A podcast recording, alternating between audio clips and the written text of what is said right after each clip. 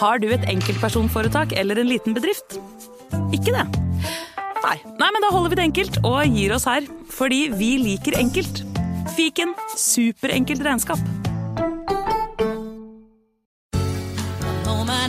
Nyt sommerferien på Prime. I'm here to show you a wonderful place. Had a rough week. Opplev spennende turer. Så kan dette bli veldig farlig. Finn sommerkjærligheten. You're like a Coachella. Hi. Hi. Se på Fallout, Furia eller The Idea of You. Okie dokie. Og gjør deg klar for en sommer full av eventyr. Bare på Prime. Krever abonnement på Prime Video. Hei, Morten. Hei hjem. Og hei til deg som eh, hører på. I eh, dag så har vi en eh, stor overraskelse til dere alle sammen. Det har vi, for vi har bestemt oss for å gi dere som hører på, en liten smakebit på hva man får med abonnement i Untold. Det er helt riktig, men hva er Untold, Morten? Jo, Untold det er en app der du kan høre en rekke podkaster, eh, flere titalls podkaster, helt uten reklame. Det er riktig, og ut mai måned så kan du derfor da høre episoder som du vanligvis kun hadde funnet i appen Untold. Ja, for eh, som Untold-kunde så får du nemlig en ny, reklamefri episode av Historiepodden andre verdenskrig hver eneste uke hele året. Ja, og i Untold så får du også ukentlige episoder av Henrettelsespodden og Historiepodden blant flere, samt også da miniserier som Gulltransporten og Historien om Henry Rinnan. Og apropos Historiepodden, Jim, så er det snart eh, 17. mai. Og i Historiepodden så vil man kunne høre episoden om torgslaget i Kristiania i forbindelse med nettopp eh, den datoen. Og det er en episode som alle bør få med seg. Jeg tenker det, og skulle du som hører på nå sitte igjen og tenke at du veldig gjerne vil høre en episode av Historiepodden andre verdenskrig hver eneste uke, så er da, som du helt sikkert skjønner, Untold en mulig løsning for deg. Det er helt riktig. Da går du inn på AppStore eller Google Playstore og laster ned Untold. Eller du går til untold.app i nettleseren for å starte ditt abonnement i dag. Ja, og har du ikke gjort dette før, Morten, så er det faktisk sånn da at du får hele første måneden helt gratis! Ja, eh, og det har skjedd. Og det kan skje igjen. Advarsel. I denne podkasten vil du høre historier basert på informasjon programlederne har funnet selv. Programlederne står ikke nødvendigvis inne for meninger og syn som fremstilles. Noen påstander kan avvike fra virkeligheten.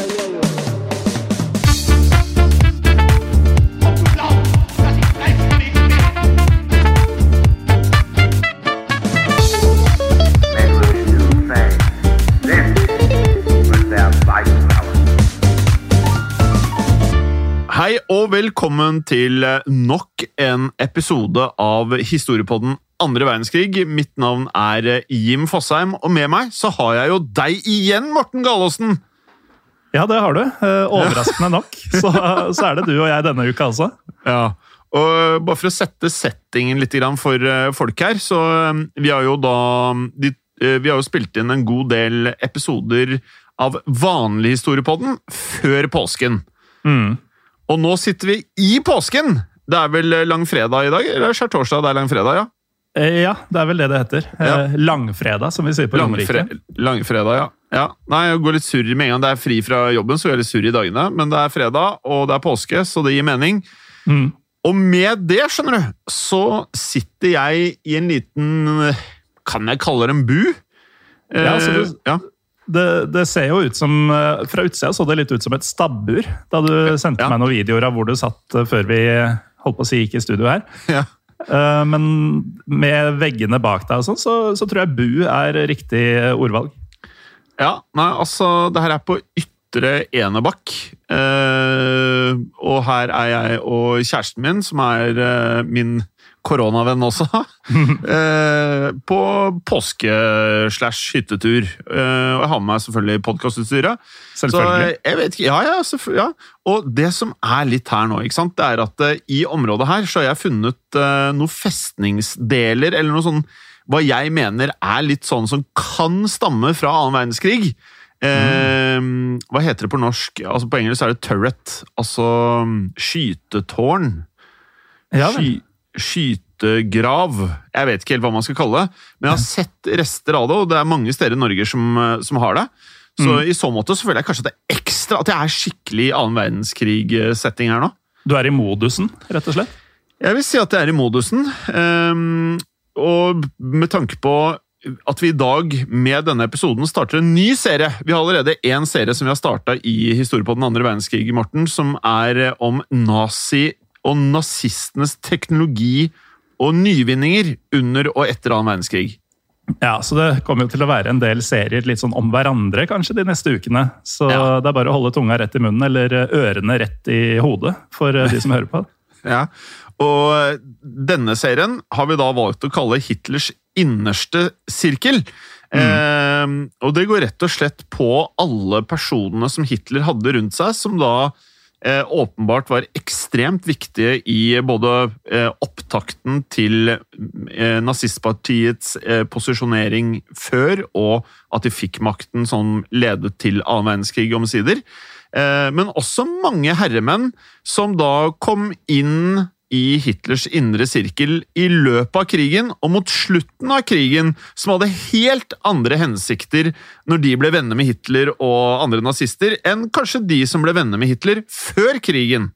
Ja, og det er jo veldig mange som sikkert tror at nå kommer de gamle kjente, altså nå blir det Goebbels og nå blir det Bormann og sånn, men det er altså veldig mange mennesker eh, som har vært, eh, eller som var tett på Hitler, som eh, man kanskje ikke kjenner så godt til, men som har veldig interessante historier både hver for seg og også som knyttes til hverandre. Ja, og mange av de eh, kjente, som du sier, altså Rudolf Hess, eh, Goebbels, eh, Göring, alle de gutta der. Det vi har lært, er jo at det er ganske mange andre aspekter til mange av disse personene. F.eks. bare hvor ekstremt mye kriging det var internt blant disse gutta. Eh, om maktposisjon, og om å kunne ha da eh, nærmeste tilgang til Hitler og kunne hviske Hitler i øret. Hvor viktig det var for de folka. Men i dag så skal vi eh, starte med en kar som jeg ikke visste veldig mye om før denne episoden. Gjorde du det, Morten? Nei, ikke jeg heller. Og det er jo litt, uh, litt i um, ånden til den serien her, at vi skal bli kjent med enda flere uh, viktige nazister fra denne tiden. Så um, kortversjonen av det vi har sagt nå, er jo at denne uka så starter vi da på en serie med episoder som skal handle om um, en god del mennesker som var da aller nærmest Adolf Hitler. Eh, og i dag, hvis man da ikke har lest eh, eh, tittelen på episoden, så kan vi avsløre at dagens person som tilhører Hitlers indre sirkel, er en mann ved navn Walter. Walter Funk. Walter Funk. Walter Funk. Eh, og Walter eh, Funk, han eh, Jeg vil jo kanskje si at han av de vi har komponert så langt, er den minst kjente, eller den jeg eh, ble litt overrasket over at vi skulle starte denne serien med, men som vi endte opp med, da. Eh, for han var jo en relativt anonym mann under krigen, eh, men påtok seg da mye ansvar, og ansvar som skulle få store ringvirkninger eh, som relasjon til annen verdenskrig.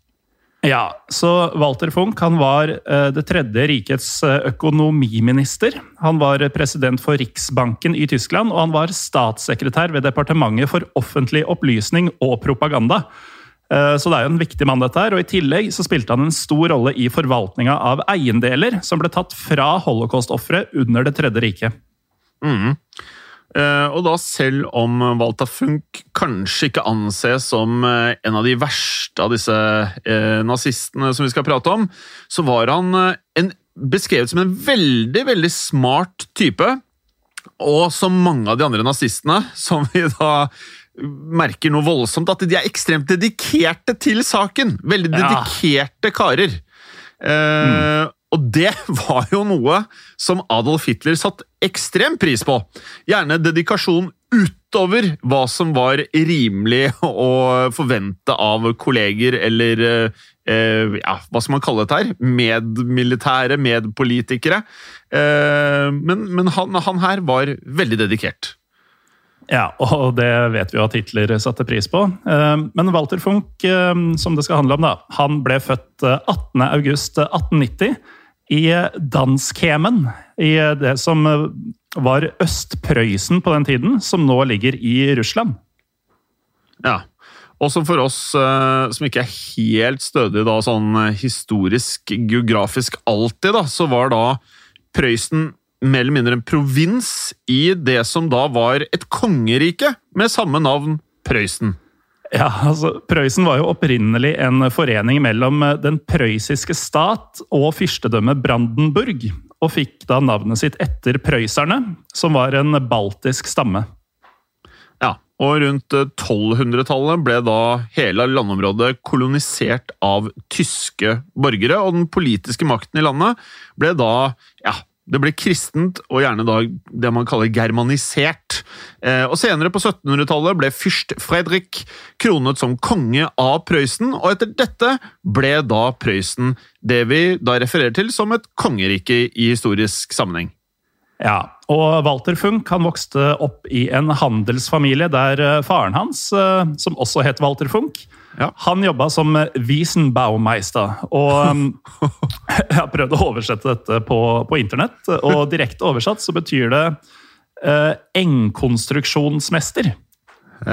ja, så en slags eh, tidlig landskapsarkitekt for eh, enger, eller? Ja, det kan eh, virke sånn. Så han, han kom i hvert fall da fra et eh, møblert hjem, der utdanning og handel var to viktige temaer rundt eh, middagsbordet. Ja, det var det. Og Walter Funk selv han studerte forskjellige fag ved både universitetet i Berlin og universitetet i Leipzig, selvfølgelig i Tyskland. Og han var, både inn, han var, han var interessert i mye, for han var både innom juss, økonomi og også filosofi, og ble spesielt interessert i journalistikk, som da gjorde at han eh, omsider begynte å jobbe med ja, forskjellige former for avisarbeid. Ja, og Da første verdenskrig kom i 1914, så ble Funk innkalt til militæret, der han ble med i infanteriet. Og denne militærtjenesten den tok slutt eh, bare to år senere, i 1916, da han ble utskrevet som uegnet for tjeneste pga. en blæresykdom. Ehm, Så tre år etter det igjen, altså ett år etter at første verdenskrig tok slutt, så gifta han seg med Louise Schmidt-Sieben og begynte å jobbe som journalist. Og um, Funk var jo da, som man kan forstå, en kvalifisert økonom og også filosof, og fant sin plass i 1921 som redaktør for den ledende finansavisen Berliner Börsen Zeitung. Og Berliner Börsen Zeitung, eller BBZ, var eh, sentralisert rundt eh, kjøp og salg på børsen, og hadde da nyheter fra industri, handel og politikk. Jeg syns faktisk eh, å, å, å si navn eh, på tysk er veldig gøy. Ja, det er noe av det morsomste med dette. Og så må jo Vi kan jo ta med at ingen av oss kan tysk, eh, som lytterne da har forstått. Så det er ikke sånn at vi eh, prøver å latterliggjøre språket. Det bare blir teit, og følgelig da ifølge oss eh, gøy, når vi Ja, prøver. men, ja, der er vi kanskje litt forskjellige. Jeg, jeg syns jo vi er flinke, eller jeg har sett mye tysk på film, så jeg føler at vi er sånn ikke helt off. Eh, Det er der vi klarer oss best, kanskje, bortsett fra engelsk. Ja, og så er det jo sånn at uh, den der klisjeen når man ikke kan tysk, er at man skal snakke så sint og aggressivt. Ja, nei, og den, den fella går vi ikke i. Ja, så kanskje vi ikke er så ille. Hittil, i hvert fall. uh, og den avisen, altså BBZ BBC, eh, avisen ble startet opp i 1868 av en gammel berlinerfamilie, og var da i utgangspunktet en liberal og gjerne frisinnet avis som var sterkt imot antisemittisme. Ja, og selv om mange sikkert forbinder eh, antisemittisme med andre verdenskrig, så oppsto denne jødefiendtligheten jo flere hundre år tidligere. Eh, Allerede på 1500-tallet så var det etablert eh, negative holdninger mot jøder, som regel pga. religion. Ja, og uten at vi skal gå altfor mye inn i akkurat det, da, så var vel da Det man beskyldte jødene for, var vel rett og slett eh, for å hate kristendommen, og for til dels å være ansvarlig for Jesu død. Men det er sikkert mange andre eh, grunner til at de er blitt en syndebukk. Mm.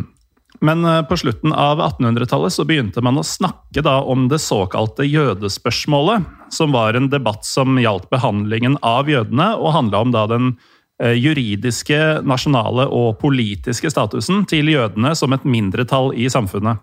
Ja, og dette ble da videre debattert i flere samfunnslag, og var eh, lenge et utrolig hett eh, tema. Um, Walter Funk på sin side mente at diskusjonen rundt jøder ikke fant sted i avisen, og at jøder naturlig nok var en stor, stor del og viktig del av økonomien. Ja, og Funk mente også at eh, avisen ikke var bundet opp mot et politisk parti, men at den befant seg et sted mellom sentrum og høyresiden av eh, politikken. Og personlig så tilbrakte han flere timer på børsen sammen med eh, et tusentall jøder hver eneste dag. Ja, Walter Funk var eh, både nasjonalist og han var antimarxist. Og spesielt opptatt var han av eh, samfunnsøkonomien. Slik at etter første verdenskrig, eh, når Tyskland da hadde fått seg et enormt tilbakeslag Det er vel kanskje å underdrive det, egentlig. De var eh, mer eller mindre ødelagte økonomisk. Og lovnadene som da ble servert fra Nazipartiet, tiltrakk da mennesker fra hele landet, inkludert Walter Funk. Nå tar vi dette her igjen dette var en veldig rask variant av det som skjedde mellom første og annen verdenskrig. Altså. Men eh, poenget var at det var en elendig økonomisk situasjon. Det var det. Og Walter Funks grunnverdier de passa godt inn med ideologiene til Hitler. Og i 1931 så sa han opp stillinga si i BBZ, og meldte seg da inn i det nasjonalsosialistiske tyske Arbeiderparti. Det er helt riktig. Og året etter, altså i 1932, så eh, ble da Funch valgt til leder av komiteen for økonomisk politikk i samme parti. Men han var ikke i denne stillingen spesielt lenge, og da nazistene kom til makten i 1933, sa han opp stillingen som komitéleder og ble i stedet pressesjef. Og denne stillinga som pressesjef den innebar sensur av alt som var kritisk til nazipropaganda. Og her jobbet han da under riksministeren for propaganda, selveste Josef Goebbels. Ja, og uten at vi skal dra ekstremt mange paralleller til eh, 2020 og 2021, så er jo dette her med hvorvidt man da skal eh, på sosiale medier, f.eks. Bare rett og slett da eh, demonetise forskjellige kanaler, eller på YouTube spesielt. Eller om man skal stenge ut eh, YouTube-kanaler helt, som har forskjellige politiske syn. Man ser jo at historien har skjedd, og det gjentar seg igjen. for Det er mange av de samme likhetstrekkene, uten å dra det altfor langt. da. Mm.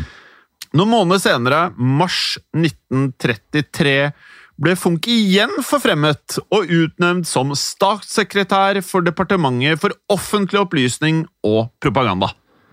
Og Walter Funch ble i tillegg valgt som visepresident i Rikskulturkammeret. Eh, Og Rikskulturkammeret det var en institusjon som eh, koordinerte kulturlivet, og som regulerte økonomiske og sosiale forhold for dem som jobba i det tyske kulturlivet. Og Rikskulturkammeret skulle da kontrollere kulturliv, selvfølgelig, og sørge for at alle kunstnere skulle tilhøre en underavdeling av kammeret. Og kunstnerne som ikke hadde bevis på at de var av det de kalte og mente var arisk opphav, fikk da selvfølgelig, ifølge dem, ikke være med. Nei, og det samme gjaldt for de som lagde kunst, musikk eller filmer som var entartet, som var et begrep som nazistene brukte om det de kalte degenerert kunst. Eh, Moderne kunst ble ofte omtalt da som entartet, og var derfor ikke kunst, ifølge nazistene. Ja. Nazistene mente at eh, moderne kunst var eh, rett og slett fordummende, og gjerne inspirert av jødedom, marxisme og sinnssykdom. Hva nå enn det er. Og denne typen kunst ble tatt ned fra gallerier, og dersom kunstnerne var å finne, ble de også fengslet. Ja, og vi brukte ordet dedikert som et nøkkelord om Walter Funch eh, tidligere.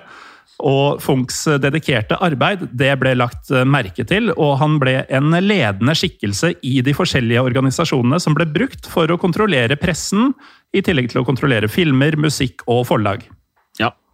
Um, altså, Walter Fungs dedikasjon ledet uh, kun noen år senere til at han steg i gradene igjen. Og da var vi kommet til 1938, for da ble han utnevnt som økonomiminister. Selv om tittelen kom med nye arbeidsoppgaver og gjerne mer ansvar, jobbet han fortsatt under Hermann Göring, som var eh, ja, den fullmektige general for eh, Hitlers fireårsplan. Ja, og Fireårsplanen den var et program som ble startet i 1936, og som hadde som formål å forberede Tyskland på andre verdenskrig. Eh, De sentrale målene var at både den tyske hæren og landets økonomi skulle være klar til krig om fire år. Ja, og En del av denne planen var å eliminere jødene fra den tyske økonomien totalt. Josef Goebbels var den som da først nevnte planen for Walter Funk, og um, formante at det var nødvendig å utvikle et slikt program, med både da tilhørende lover og regler, som da kunne fjerne jødene fra all form for økonomisk involvering i det tyske riket. Men Funch hadde ikke tidligere fått et forvarsel om denne planen til Goebbels, hadde aldri hørt prat om et eh, lignende program eh, tidligere, så han ble mm, mildt sagt eh, overrasket over Goebbels ideer. Ja, det er jo ikke så vanskelig å forstå at han ble. Eh, For Funk han mente at planen var altfor ekstrem. eh, Og når en såpass dedikert type som Funk mener at den er altfor ekstrem, så sier det jo sitt.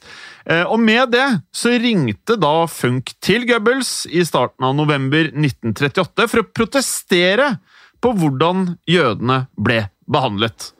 Og da svarte Goebbels med å fortelle Funch at Hitler spesifikt hadde bedt om tiltakene, og at dette var en nødvendighet. Så Funch han ble nødt til å bøye seg for presset fra Goebbels og Hitler, og hjalp heller til med å utvikle lover og regler som ville fjerne jøder fra det økonomiske livet.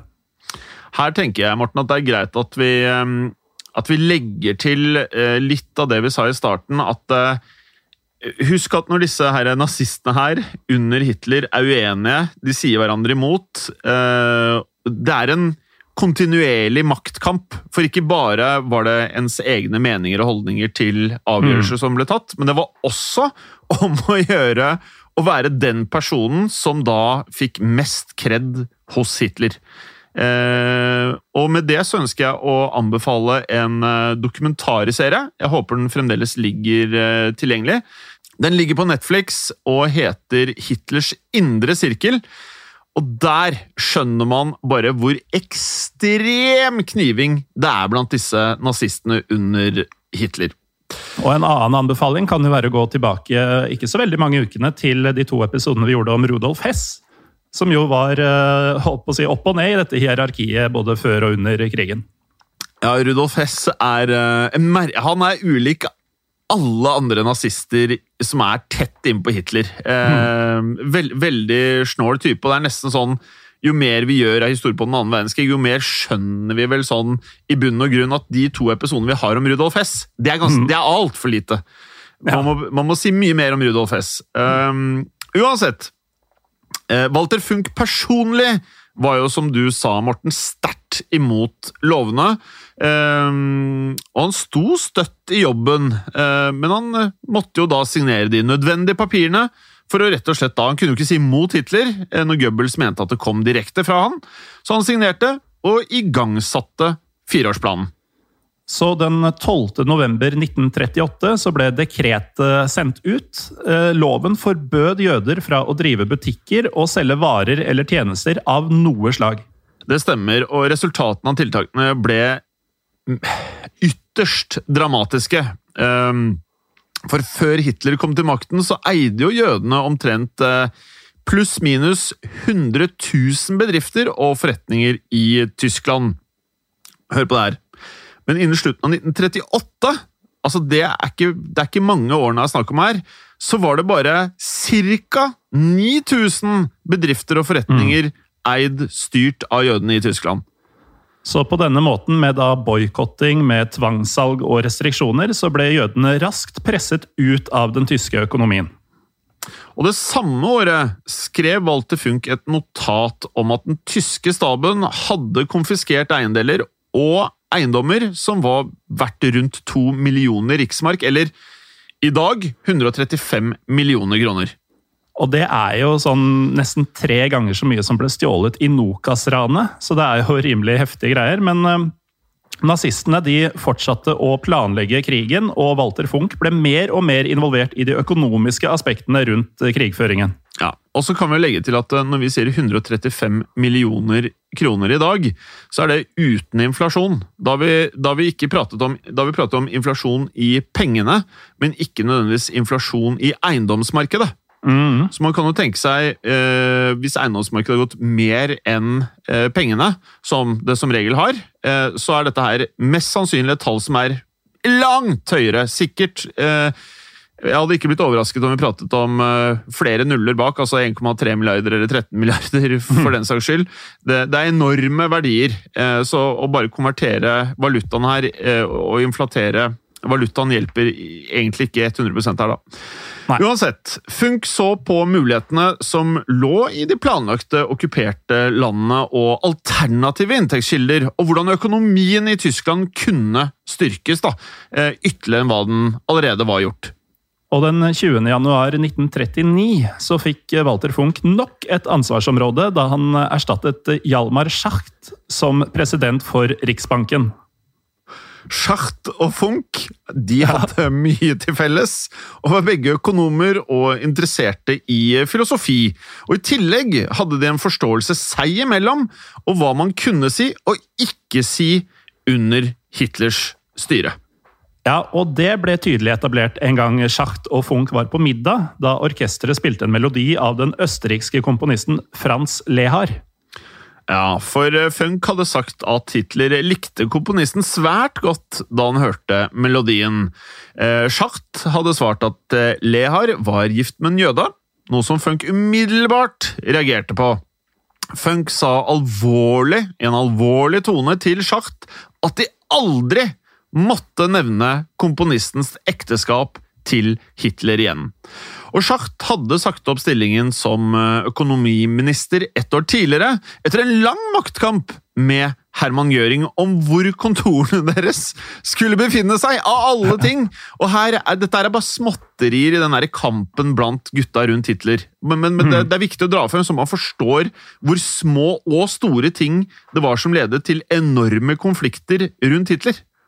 Altså, det er mye det, det har vi lært, og det kommer vi til å lære mer om også. Det er mye smålighet eh, Ja, blant disse folka. Mye smålighet. Og eh, saken her var jo at Gøring han ville at eh, Økonomidepartementet burde ligge mye nærmere kontoret for fireårsplanen, men det var ikke Schacht enig i. Og med en sånn diskusjon da, så begynte man jo å lure litt på prioriteringene i nazipartiet, kanskje. Men uh, Funkt han uh, tiltrådte stillingen, og rett før utbruddet av annen verdenskrig ble han også utnevnt av Hitler til ministerrådet for forsvaret av riket. Og det er ganske svært. Og dette rådet hadde i oppgave å gi eh, nye muligheter til forsvarsadministrasjonen, og gjøre den da langt, langt mer knyttet til naziregjeringen. Ja, og dette rådet besto av Herman Gøring. eh, Rudolf Hess-Jim var med på dette, Ja. eh, Wilhelm Frick, Wilhelm Keitel og Hans Lammers. Og flere av disse navnene her skjønner man jo umiddelbart blir en del av eh, serien vår Hitlers Mm. innerste sirkel. Sånn at nå har vi kommet til en periode hvor Funk hadde veldig mye å gjøre, eh, og fikk for vane å sende en stedfortreder og også andre underordnede til ulike saker. Han hadde rett og slett ikke tid til å gjøre alt selv.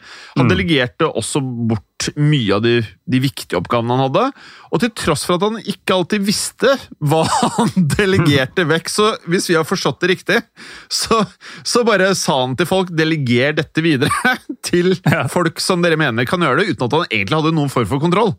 Ikke sant? Så da skjønner du hvor mye han hadde å gjøre. Og i eh, 1939 så sendte en av Funks eh, underordnede et notat til Oberkommando der Wehrmacht, eller eh, OKW, som var da overkommandoen for de væpnede styrkene, om bruk av krigsfanger for å kompensere for arbeidsmangler som kunne oppstå. Og her ser vi jo da starten på det som skulle bli eh, kanskje noe av det mest eh, omdiskuterte etter krigen. Eh, men hvorvidt Funk bestemte dette, eller at han eh, fikk med seg at det ble bestemt, det er vi ikke helt sikre på. Eh, antageligvis hadde Göring en stor eh, og feit finger med i spillet her. Görings eh, finger i dette spillet er eh, høyst sannsynlig, og Funk han var jo svært stolt han, over arbeidet han hadde gjort. Den eh, 25. august 1939 så skrev han et brev til føreren, der han uttrykte sin takknemlighet for at han hadde blitt tildelt så mange spennende arbeidsoppgaver. Ja, Han skrev om sine planer for eh, krigens finansiering, kontrollen av lønn og prisvilkår, og at styrkingen av Riksbanken var fullført. I tillegg til at han eh, hadde overført alle gullressursene, og det kom han til å lære i denne podkasten, hvor opptatte nazistene var av gull. Så at de hadde overført alle gullressurser som var tilgjengelig for Tyskland, til, og dette er elsket nazistene, gullbarer! Ja, det er de glad i, altså. Men um, uansett, 14. oktober 1939, etter at krigen så vidt hadde begynt, så holdt Funk en tale der han uttalte at de økonomiske og finansielle avdelingene i Tyskland som jobba under fireårsplanen, hadde vært engasjert i den hemmelige forberedelsen for krig i over et år. Mm. Og som økonomiminister og president for eh, Riksbanken gjennom krigen, så deltok Funk i den økonomiske utnyttelsen av okkuperte territorier, og det vet vi var enormt. Eh, han var ansvarlig for beslagleggelsen av, igjen, gullreservene i det tsjekkoslovakiske nasjonalbanken, og for avviklingen av den jugoslaviske nasjonalbanken. Samtidig så var han også president for Continental Oil Company, som utnytta oljeressurser i okkuperte områder i øst. Ja, og som uh, våre kjære lyttere nå uh, hører, så Continental Oil Company og mange andre selskaper som eh, enten ble tatt inn under tysk kontroll, eller som hadde tette, tette bånd, for å si det mildt, til nazistene under krigen, kommer vi til å prate om under eh, fremtidige episoder av podkasten, og mye av dette er svært kontroversielt, inkludert også norske selskaper. Um, og Funk han ble en mester han, i okkupasjonspolitikk, og i 1942 kunne han dele informasjon med de forskjellige okkupasjonsoverhodene og fortelle dem om produktene som var krevd fra deres territorier. Og alle inntektskilder ble jo ansett som verdifulle, for som vi var inne på tidligere, tyskerne hadde mye å ta igjen for etter første verdenskrig. Ja, og som sjef for Riksbanken hadde Funk andre arbeidsoppgaver som han gjerne holdt for seg selv. Eh, For i 1942 gikk Funk eh, inn en avtale med Heinrich Himmler, eh, der Riksbanken skulle motta gull, juveler og valuta fra SS. Og de underordnede som tok seg av disse transaksjonene, de fikk beskjed om å ikke stille spørsmål om hvorfor. Ja, og ikke sant? Det her er jo når du skjønner at eh, de tingene man sitter igjen med fra dokumentarserier fra annen verdenskrig, som jeg sluker og har sett om igjen og om igjen om igjen Det er så mye av dette som aldri kommer frem noen steder. Man må inn i materien her for å liksom få med seg hvor mye rart det var som skjedde. Ja. Um, som et resultat av denne avtalen så sendte da SS personlige eiendeler fra holocaust-ofre til Riksbanken. Banken beholdt mynter, sedler og sendte juveler, klokker og også andre personlige eiendeler til kommunale pantebutikker i Berlin. Gull fra brilleinnfatninger og tenner ble da lagra i hvelvene i Riksbanken, så her er det en mørk, mørk, mørk, mørk, mørk side av historien. Det er det, og som president for Riksbanken så var også Funk direkte involvert i bruken av konsentrasjonsleirarbeid. Under hans ledelse så ble et eh, revolusjonsfond opprettet som var til ære for SS. Og dette fondet var tiltenkt bygging av fabrikker som skulle bruke konsentrasjonsleirarbeidere. Det stemmer. Høsten 1943 ble Funk medlem av Central Planning Board, som skulle bestemme det totale antall arbeidere som var nødvendig for den samlede tyske industrien. Og I denne gruppen jobbet eh, han sammen med og Merk dere navnene, folkens! Dette er viktige navn. eh, Robert Lay, Albert Spia og Joseph Goebbels. De jobbet sammen mot innflytelsen som Martin Bormann hadde på Hitler. For som vi kommer til å høre i fremtidige episoder, eh, Martin Bormann, han hadde øret til Hitler. Ja, Han var kjent for å ha en helt spesiell effekt på Hitler, og han manipulerte faktisk Hitler gjennom å skape intriger, krangler og overkjøre andre med sine sterke meninger. Ja. Eh, Martin Bormann eh, blir en hel episode i Hitlers innerste sirkel, men også Han kommer til å figurere masse i historie på den andre verdenskrig. Ja, ingen tvil om det. Og Funk han var ikke spesielt opptatt av dette tvangsarbeidprogrammet som Central Planning Board eh, diskuterte, og sendte da gjerne en stedfortreder for å delta på møtene. Ja, han hadde med andre ord mange oppgaver.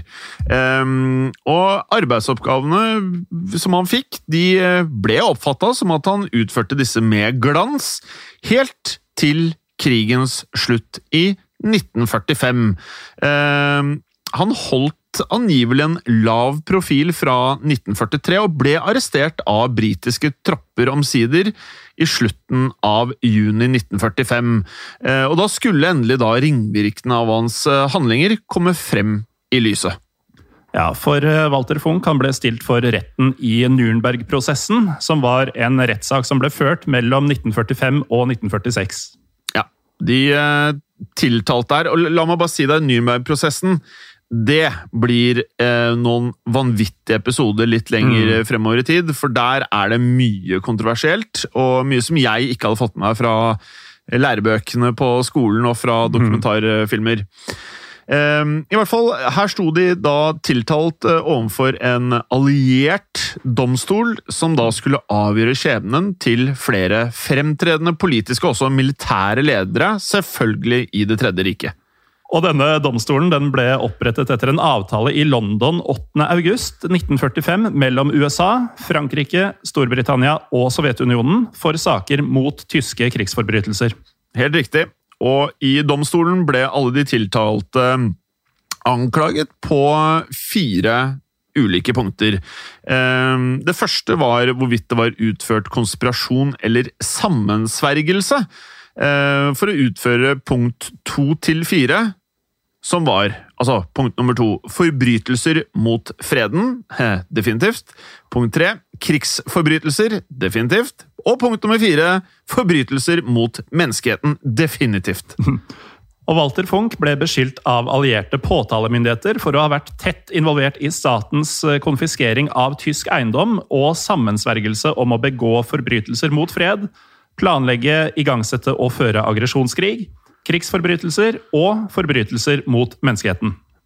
Walter Funk han eh, taklet anklagene svært dårlig, og det var tydelig at han var eh, fortvilet og oppgitt gjennom hele rettsprosessen. Hjalmar Schacht, som kjente Funk godt, var angivelig svært bekymret for Funk under saken. Ja, for Schacht følte at Funk ikke hadde forstått hvor alvorlig mange av arbeidsoppgavene han hadde påtatt seg, var.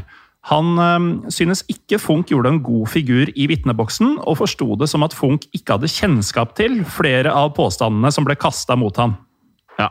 Men øh, Albert, Albert Spiel var derimot svært uenig og mente at Funk øh, resonnerte seg fram til gode svar. Han fortalte at han fikk eh, stor medfølelse for Funk Funch da han uttalte seg i vitneboksen angivelig.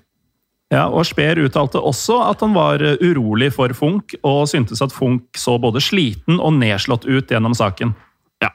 Og både Schacht og Speer skjønte at anklagene var eh, et et enormt nederlag for Funk selv.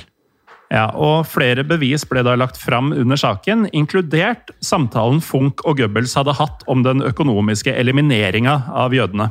Ja, Funch står fast på at han protesterte mot eh, programmet, men innrømmet også at han ikke vurderte å si opp stillingen eller gjøre noe annet for å fjerne seg fra Det tredje rikets regjering.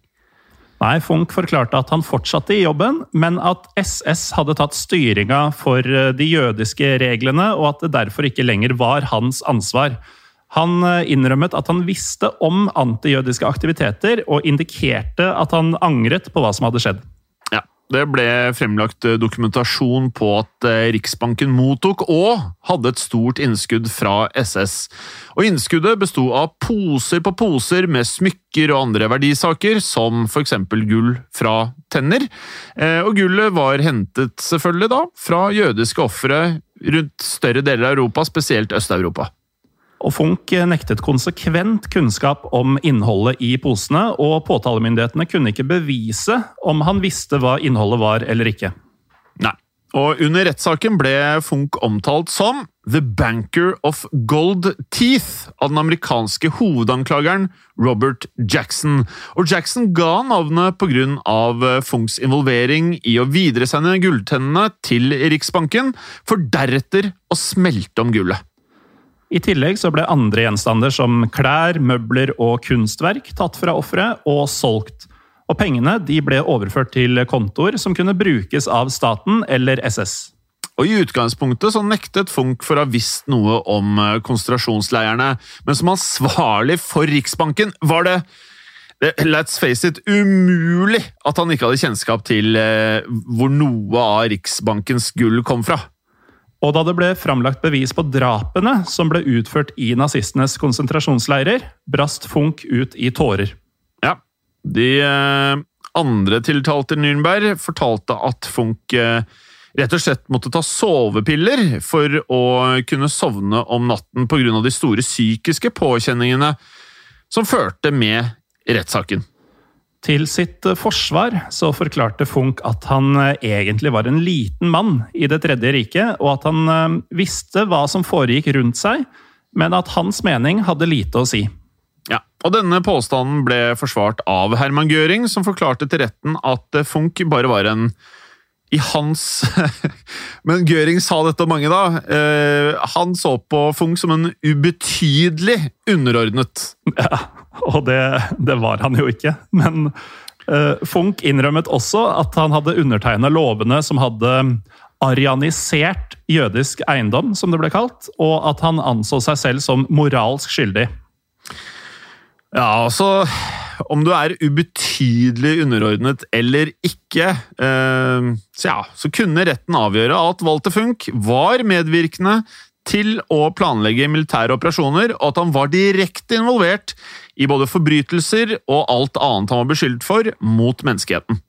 Ja, retten fant til slutt Walter Funk skyldig i krigsforbrytelser, forbrytelser mot menneskeheten og forbrytelser mot freden, og han ble dømt til livsvarig fengsel den 1. oktober 1945. Walter Funk ble så holdt i Spandau-fengsel i Berlin sammen med andre eh, ja, aldrende nazister. Og I fengselet så vendte Funch tilbake til sine journalistiske røtter og begynte å skrive om fengselsoppholdet i Spandau. I en eh, tekst som han kalte A Ghost Sonata in a Prison Cell, så skrev Funch at han trodde at alle i fengselet genuint syntes synd på han, og at vaktene gjorde alt de kunne for å gjøre oppholdet lettere for han. Ja, Han skrøt av legenes behandling, rett og slett, og de mange medisinene han fikk. Eh, og Da lurer jeg på hva de medisinene var, for jeg tror mange av disse nazistene her tok litt av hvert av medisiner under krigen. Det skal vi jo også prate om i fremtiden her. Eh, allikevel var han plaget av um, ytterst kaotiske drømmer, um, og skrev om én drøm der han uh, rev ut sitt eget hår, til tross for at han var uh, skalla. Ja, um, Funk fikk aldri lov til å sende teksten til sin kone, fordi den ble ansett som eh, litt for utleverende om forholdene i Spandau. Ja, det stemmer det. Eh, Walter Funk satt i fengselet i eh, tolv år, før han da ble løslatt 16. mai 1957. Um, og før han forlot fengselet, så besøkte han sin nazikollega Rudolf Hess og Albert Spia, og sa et aller siste farvel. Og tre år senere så døde Walter Funch i Düsseldorf av eh, diabetes. Ja, men jeg må jo si eh, Vi får ta det her en annen episode, liksom bare hele Nürnberg-prosessen og forfølgelsen av disse nazistene, men at man slipper ut Det er sånn Ja, jeg vet ikke hva man skal si, men eh, Dømt til livstid og slipper ut etter tolv år. Ja, eh, veldig merkelig. Men eh, Mm. Altså, det kommer jo så mange vanvittige episoder om eh, nazister etter annen verdenskrig i, i denne podkasten her, at det er bare å holde seg fast. Dette her eh, syns jeg var en fantastisk eh, episode. Utrolig interessant. Eh, så viktig og sentral skikkelse under naziregimet som mange ikke har hørt om engang. Eh, veld, veldig fascinerende. Eh, vi kan jo si at eh, vi kommer jo til å høre om Walter Funk igjen, selvfølgelig, men eh, dette her er Dette, dette er en, syns jeg, en beskrivende episode av hvor viktig han faktisk var. Ja, ikke sant? Og Walter Funk han er jo et godt eksempel på hvordan Hitlers underordnede kasta både moral og integritet ut av vinduet, sånn at de skulle etterkomme hans ønsker. Mm. Ehm, vi kommer jo da til å fortsette å se nærmere på personene i Hitlers innerste sirkel, og dere må gjerne komme med, for at det, selv om vi nå har satt opp jeg tror er ti, ti personer, den her kan forlenges til sikkert 30-40-50-60 personer for alt vi vet. Ehm, så kom gjerne med forslag til navn som vi ikke nødvendigvis har på blokka. Det kan dere gjerne gjøre på Historie for alle, altså Facebook-gruppen vår. På Instagrammen vår, Morten. Ja, Historiepodden Norge. Og på Ja, vi har jo samme navn på Facebooken vår også, Historiepodden Norge.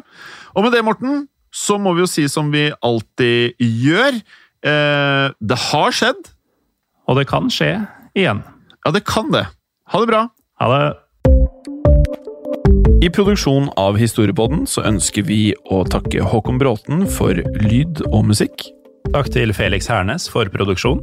Takk til Ellen Froktenestad for tekst og manus. Og takk til deg, Morten Galesen, for programlederrolle. Og takk til deg, Jim Fosheim, for programlederrolle. Moderne media.